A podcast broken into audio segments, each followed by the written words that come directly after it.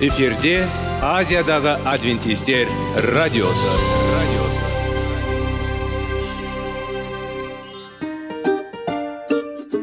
сәлем достар. Денсаулық өмір бұлағы және біздің бірінші байлығымыз демекші денсаулық сағаты рубрикасына қош келдіңіздер. Біздің рубрикада біз әртүрлі факторларменен мәліметтерменен кеңестерменен бөлісіп шын жүректен сіздердің дендеріңіз сау болғанын қалаймыз. Сол үшін біздің рубрикаға қош келдіңіздер. Дайындалып тұрыңыздар. Өйткені келесі минуттарда қызықты фактілерге ие боласыздар. Енді достар ең бірінші байлығымызды қолымызға алып алға кеттік.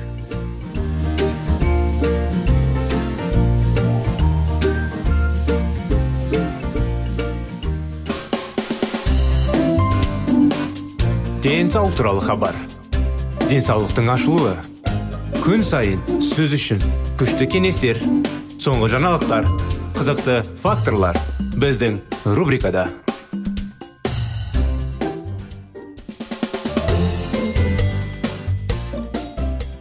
сәлем достар ассалаумағалейкум біздің құрметті радио тыңдаушыларымыз біздің денсаулық сағат бағдарламамызға қош келдіңіздер мінекей достар сіздермен бірге күнде әрдайым денсаулыққа пайдалы кеңестер мен мәліметтер оқып естіп танып өмірімізге қолданатындай көптеген анықтама естиміз сондықтан құрметті достар оның бәрін естіп қолдануға дайын болу керек ең бастысы.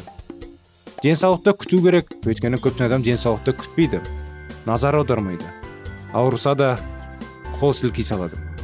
Оның бәрі ертеңгісін бір күні болса да бір күні нашар болып адамға өте шағым жасайды. Сондықтан құрметті достар денсаулықты күтейік. Әрине өткен жолы да қазіргі уақытта біздің қазір өтіп жатқан тақырыбымыз темекі жайлы.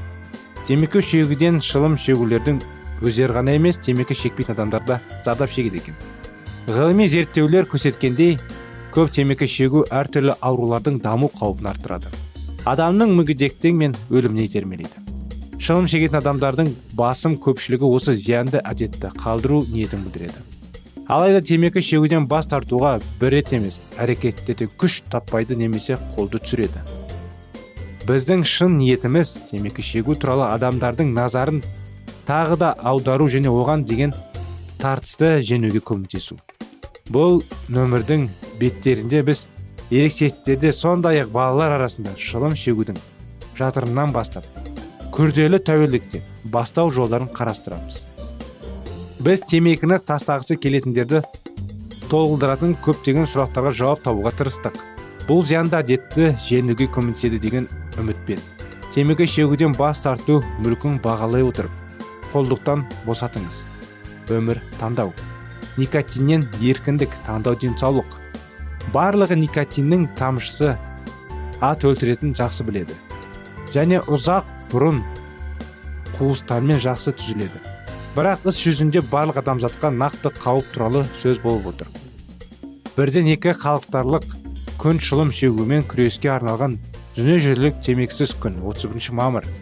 Және жыл сайын қараша айының үш бейсенбесінде атап өтілетін темекіден бас тартудың халықаралық күні. Мінекей не деген анықтама. Дүниежүзілік темексіз күн 31 мамыр екен. Осы күндердің біріншісін бүкіл әлемдік денсаулық сақтау ұйымы 1988 жылы белгілеген екіншісі 1977 жылы американдық онкологиялық қоғамның ішімі бойынша пайда болды. Дегенмен осы індетпен күрес тарихы әлемдік ауқымдағы он жылдықтар емес темекінің зияны туралы рил жариялап отырған алғашқы ақпалды адам ағылшын патшасы яков стюарт болды. Өз уақытының ең білімді адамдарының бірі. 1604 жылы оның темекіге қарсы қарсылығы. Жұмысы жарияланды онда ол былай деп жазды. Бұл әдет көзге алаңдатады. Миға қиратушы. Мұрын өкпеге қауіпті. Ал оған сәйкес шулы сасық түтін түбінде түтін сияқты. Содан бері әлем шылым шегудің зияны туралы көп білді. Жақсы жаққа ештеңе жоқ. Сандар әлі де қорқынышты. 2020 жылға қарай бұл денеге 3 секунд ішінде бір адамға дейін көтерілуі мүмкін. Ресейде мысалы ерлердің 65 пайызының әйелдердің 30 пайызы темекі шегеді. Олардың 80 пайызы ерлер мен әйелдер мен елу пайызының жасөспірім жасында темекі шеге бастады. Дүниежүзілік денсаулық сақтау ұйымының деректері бойынша әлемде өкпе обырының өлімнің 90 пайызы созылмалы бронхиттің 75 пайызының және жүректің ишемиялық тарауының ауруынан 25 пайызы темекі шегумен байланысты. Көптеген адамдар темекі шегудің зиянын сезіне отырып осы әдетпен күресуге тырысады. Бірақ бұл үшін барлық әдістер жақсы емес. Никотинмен тікелей байланысты. Мысалы никотин пластырлары қауіпсіз және темекіден бас тарту ісінде тиімді деп есептеледі. Бірақ зерттеулер бұл шығеттер денсаулыққа зиянды екенін көрсетеді. Өйткені никотиннің өзі қатерлі ісік тудыруы мүмкін. Демек никотин бар кез келген өнім сағыз және электронды темекі қоса қауіпті. Никотин темекі түтіндегі 4000 қосылыстар бірі. Осы қосылыстардың көпшілігі канцерогенді болып саналады. Бірақ никотин жақында болған уақытқа дейін тәуелділік әсерімен ғана байланысқан. Алайда енді анықталды. Никотинда днк жасушаларының мутацияларға мәжбүр етеді. Бір нуклеотидті полиморфизмдердің мыңдаған мутациясын көрсетеді. Мұндай өзгерістер әдетте қатерлі ісіктің дамуына келеді. Ескі армян аңызына сәйкес арарат тауының алдыңда ұзақ уақыт бойы дана қарайтаған. Оның бәрі өте жақсы көрді және оның пікірімен саналды. Бір күні көпестер жәрмеңкеге темекі алып өз тауарларын мақтай бастады. Олар темекі шегетіндердің кейбіреулердің алдында көптеген артықшылықтары бар деп сендірді. Алғашқылар қартаймайды түнде оларға ұры оянбайды. Ал ит ешқашан ішпейді дейді. Адамдар мақтауды темекіні тыңдап ақылға кеңес алуға шешім қабылдады. Олар көпестер шындықта айтады ма? Әрине деп жауап берді ол. Шылым шегетін адам ешқашан қартаймайды өйткені тағы да жас өледі. Оған ұры ешқашан ұмытылмайды өйткені темекі шегетін адам түні бойы жөтел. Күн бөлмеге кіреді? Қайда серкейді ақыр соңында ит шын мәнінде темекі шегу істемейді. Өйткені темекі шегу буындарды ауыстыру туғызады және адам таяқпен жүре мәжбүр. Қандай ит таяқтардан қорықпайды? Темекі шегудің зияны анық бұл жаман әдеттің артықшылығы. Темекі шегу бұл есірткі тәуелділікті никотин помпа миға бірінші тартудың кейін жеті он секундтан соң яғни көк тамырлардың есірткі сияқты жылдамдылықпен береді. Онда ол рецепторлармен қосылады және рахат гормондарды шығарады. Бірақ бұл уақытша. Мінекей құрметті достар осыны анықтамалар толық анықтамаларды жалғасуын келесі жолы жалғастырамыз. Бағдарламамыз аяғына келді. Келесі жолға дейін сау сәлемет болыңыздар.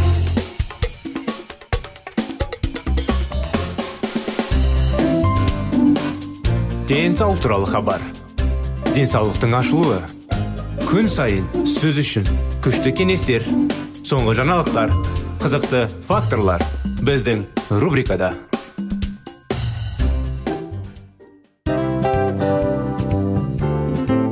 Әуелі байлық денсаулық екінші байлық он саулық үшінші байлық ақ жаулық. Ал енді осындай радио парақшадан кейін не дейміз? Барлықтарыңызға денсаулықтарыңыз зор болсын деп тілейміз. Денсаулықтың өзгеруі кішкентай нәрселерден басталады. Осымен біз берген кеңестер мен мәліметтер шын жүректен сіздер үшін қандай да бір болсын жәрдем берді деп үміттенеміз. Тыңдаушыларымызбен келесі радио парақшасына дейін қоштассамыз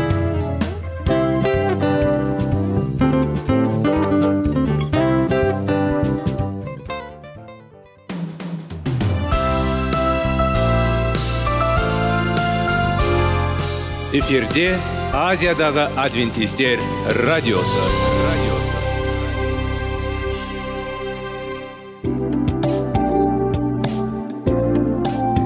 сәлем достар. Барлықтарыңызға шын жүректен сөйлесек рубрикасына қош келдіңіздер деп айтпақшымыз. Шын жүректен сөйлесек бағдарламасы әртүрлі қызықты тақырыптарға арналған. Шындығында шын жүректен сөйлесек деген сөздің мағынасы екі достың екі адамның ортасындағы шын жүрекпен сөйлесуі бір біріне сенуі ашықтық пен шындықты білдіреді. Сол үшін біздің бағдарламалар әртүрлі қызықты тақырыптарға арналған. Дайындалыңыз жаңа қызықты мәліметтерге ие болуға. Ондай болса кеттік.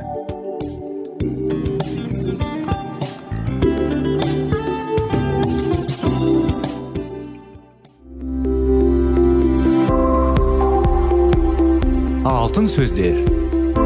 Сырласу қарым қатынас жайлы кеңестер мен қызықты тақырыптар. Шын жүректен сөйлесейік рубрикасында.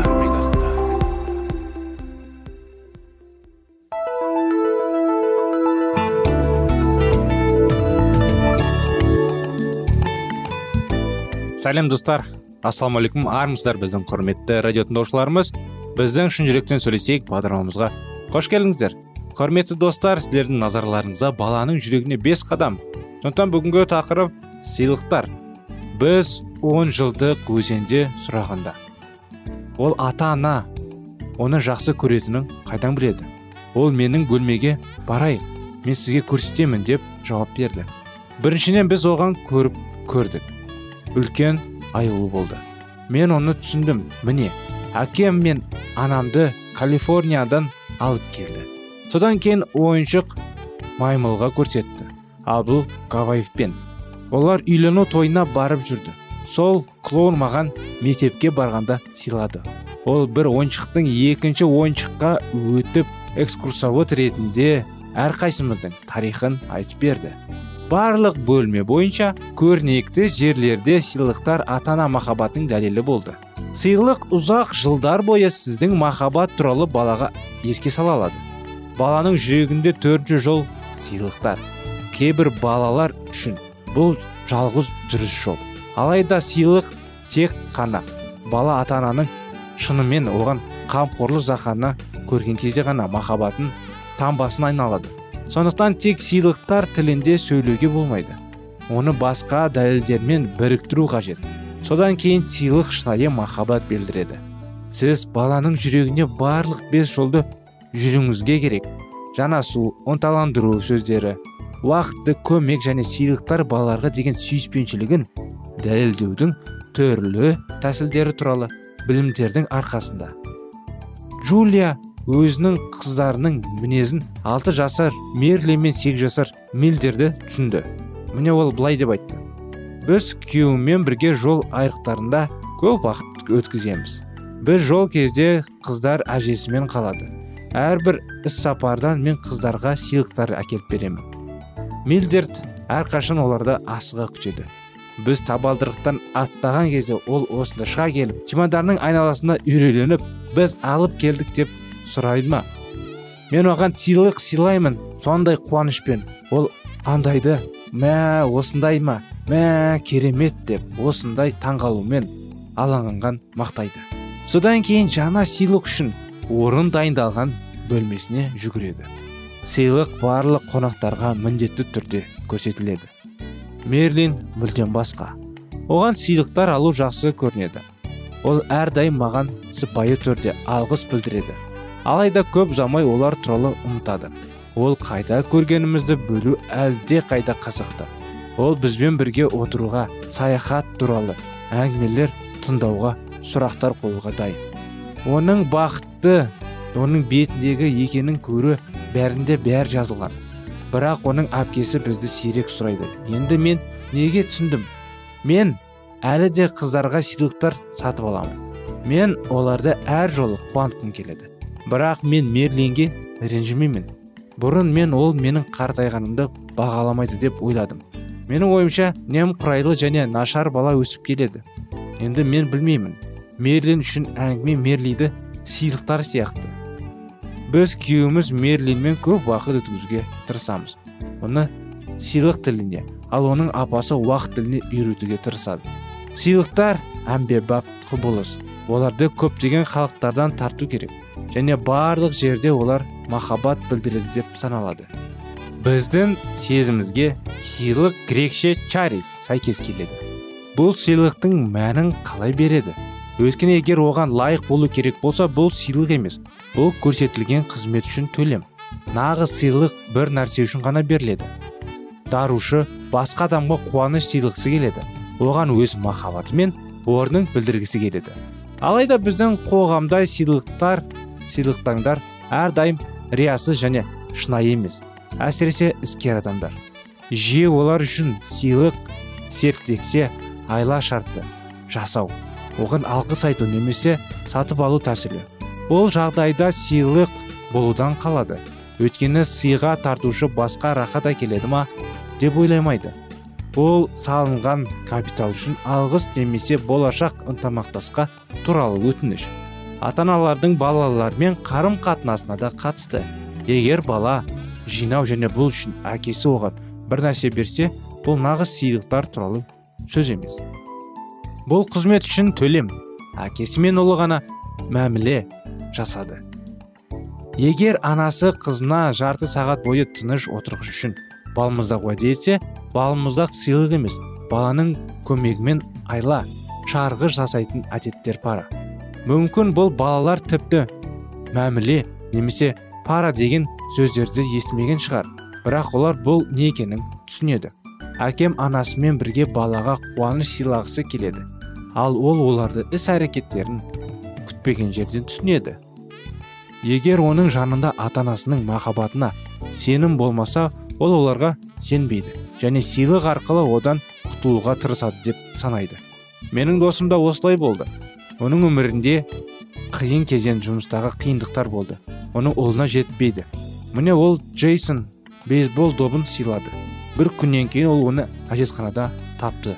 Бала оның сыйлағышын шығарды. Джейсон бұл нені білдіреді? Ол ұлын шақырып.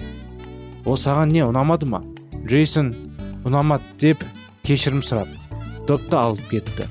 Келесі күні ол қоқыс желгенішке допты тапты. Және қайтадан джейсон шақырып және ол оны тыңдап ендеге шаршап ештеңе түсіндіргісі келмеді. Сол уақытта ол махаббатты тілі туралы білді. Ол балаға көп көңіл бөлуге тырысты. Көп ұзамай ол өзгере бастады. Бір айдан кейін ол ұлына бейсбол ұрысын берді.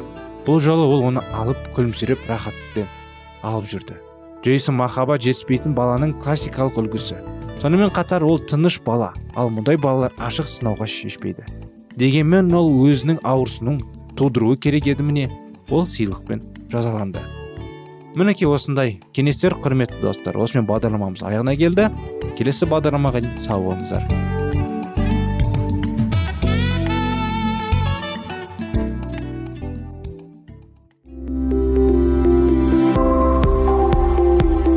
Алтын сөздер. Сырласу. Қарым қатынас жайлы кеңестер мен қызықты тақырыптар. Шын жүректен сөйлесейік рубрикасында.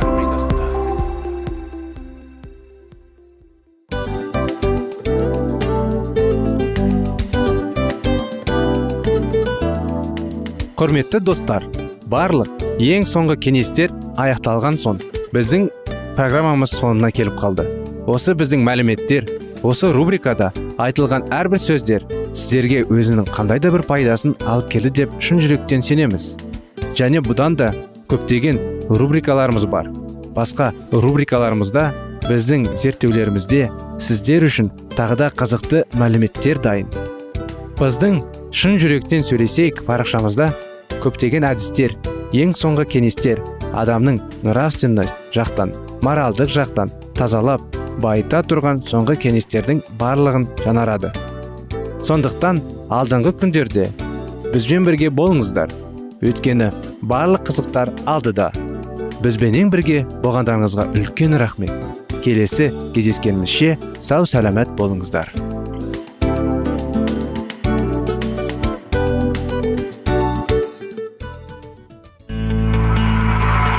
Жан дүниеңді байытқан жүрегіңді жаңғыртқан өмірдің мағынасын ойландырған рухани жаңғыру. Рубрикасы.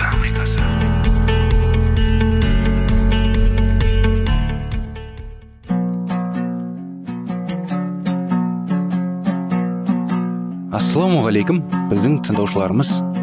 Келі кітаптың шындығын ашып берген қысқа бағдарламасына қош келдіңіздер.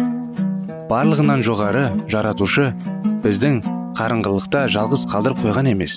Өйткені ол келешекте не болу керек екенін киелі кітаптың парақтарында ашып береді. Немесе келіңіздер бізге қосылыңыздар. Жаратушы бізге нен ашып бергенін зерттейміз. Ассалаумағалейкум армысыздар құрметті радио тыңдаушыларымыз құрметті достар. Біздің рухани жаңғыру бағдарламамызға қош келдіңіздер. Сіздердің назарларыңызға құрметті достар әрдайым қазіргі уақытта сиынуды қалай үйрену тақырыптарын жалғастырамыз. Достарымыз бізге сиыну берген кезде иса дәл осыны айтқысы келді деп ойламайсыз ба? Бізге оны сыйлай қолдану қажет. Иса біздің дұғаларымызға мейіріммен жауап қайырғысы келеді. Мінәжат оның көмегі арқылы. Мұқтаждықтармен жауапты үздіксіз алып отырап құрылым болуы тиіс. Ол менің күнделікті паналайтын жерім. Күнделікті жұбанышым күнделікті қуанышым. Өмірімде бақытты сарқылмас қайнар көз болуы тиіс. Сондықтан құдайдың баласы исаға өзінің мінәжатқа құрайды қарай бастауынан қиын мәселе келтірмейтіні айтқын.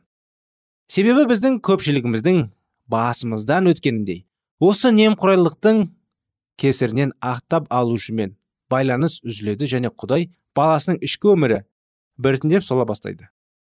Талай адамның мінәжатқа құрайды. Қарайтындары сондай олардың рухани өмірлері кібіріктей бастайды. Сондықтан да мен құдайдың сұрасандар да ие бола алмайсыңдар деп айтуға мәжбүр болған кездегі қамкөңілдігі түсінемін. Құдайда бізге керектің барлығы да бар. Және ол үшін бізге өзінің сыйлықтары дарытқаннан ұнамды нәрсе жоқ. Бірақ біз сұрамаймыз. Уақытымыз жоқ дейміз. Осының салдарынан үйде де қауымда да кемтар адамдар секілді рухани аш және әлсіз болып жүреміз. Күнәмен күресу және құдайға қызмет ету түгілі өз аяғымызбен тұруға күшіміз әзер етеді. Тәубеге келгеннен кейін мен көктегі әкемнің алдында көп күнә жасадым және құдаймен қарым қатынастағы осы 25 жыл өмірімде оның көңілін көп қалдырдым. Бірақ қазір мен құдайды бәрінен де қатты ренжіккен күнән мұнажатқа немқұрайдылықпен қарау екенін түсіндім. Осы немқұрайдылығым барлық кемшіліктерім мен қателіктеріме себепкер болды. Мен назар аудармаған мінәжаттың сансыз көп себептері. Егер мен синханда алуы мүмкін көптеген жауаптар. Мұнажаттың қасиеті дүниесіне тереңдеп енген сайын көз алдыма келіп әшекерлей түсті. Неліктен біздің көпшілігіміздің мұнажатымыздың жағдайы нашар? Бұл сұрақ мені құдайдың рақымымен сыйына бастаған кезімнен мазалап келеді. Менің ойымша сүйіну өзіміз үшін қиын іс екенін бәріміз мойындауымыз қажет. Бір қиындық сыйынған кезде біз оны қандай да бір мәжбүрлену ретінде сезінеміз. Тәндік пенденің мінәжаты мәжбүрлену ретінде қабылдайтынына таңдануға болмайды.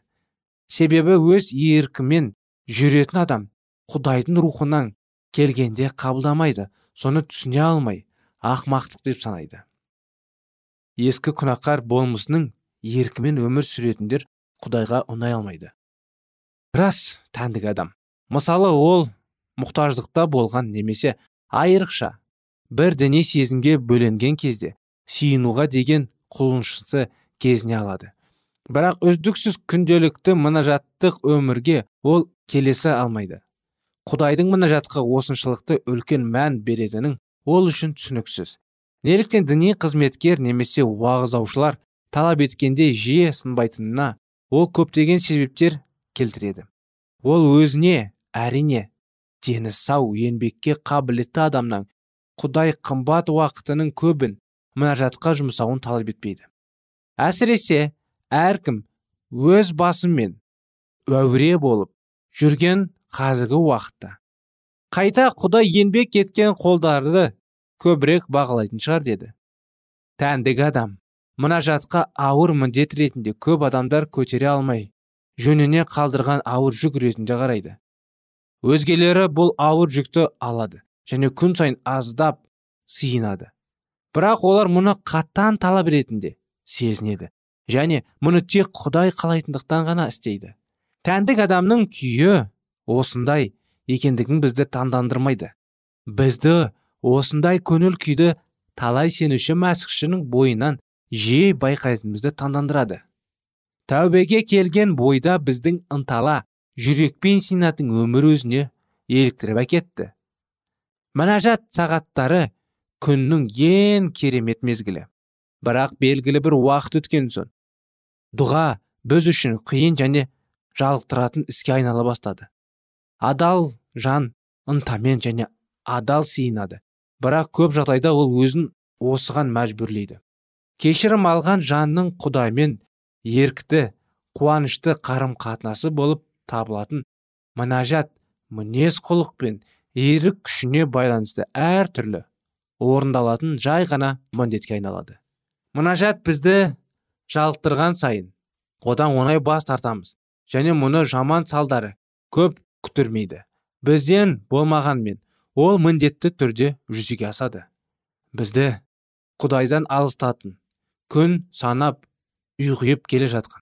Осы дүниелік көңіл күй бізді құдаймен сөйлесетін сұрақтарымыз біртіндеп азаятын жағдайға алып келеді. Бойымызда жатқа өмірге нем құрайды. Қарауымызға сылтаулар табатын қарсы рух өсе бастайды. Ішкі өміріміз біртіндеп әлсірейді. Біз енді күнәларымызды шынайы мойындап оларды құдайға айтпаған соң қандай да бір күнәға опық жеу бұрынғыдай сезілмейді. Осының бәрі біздің рухани көзқарасымыздың әлсіреуіне алып келеді. Ненің күнә ал ненің дұрыс екенін ажыратуды қаламыз. Біз әлі адамдардың істейтіндеріне ұқсас болады. Яғни біз салдарынан қорыққандықтан қауіпті күнәларды жасаймаймыз. Әңгіме барысында немесе айтамыз. Жоқ сөздерді айтамыз. Әңгіме барысында немесе бөлсіреп сүйіну кезінде ешқашанда мағынасы жоқ сөздерді айтамыз ғой. Бұл бос сөздер табы бойымызда. Әлі де бар мұнажат өміріміздің қалдығына зиянын тигізеді. Осының барлығы дұғаның өмірдің біртіндеп сөніп бара жатқаны салдары. Сенушілердің көпшілігінің күйі осындай. Мінекей құрметті достар осымен бағдарламамыз аяғына келіп қалды. Сіздерді келесі жолда қуана күтеміз. Келесі бағдарламаға шейін сау болыңыздар.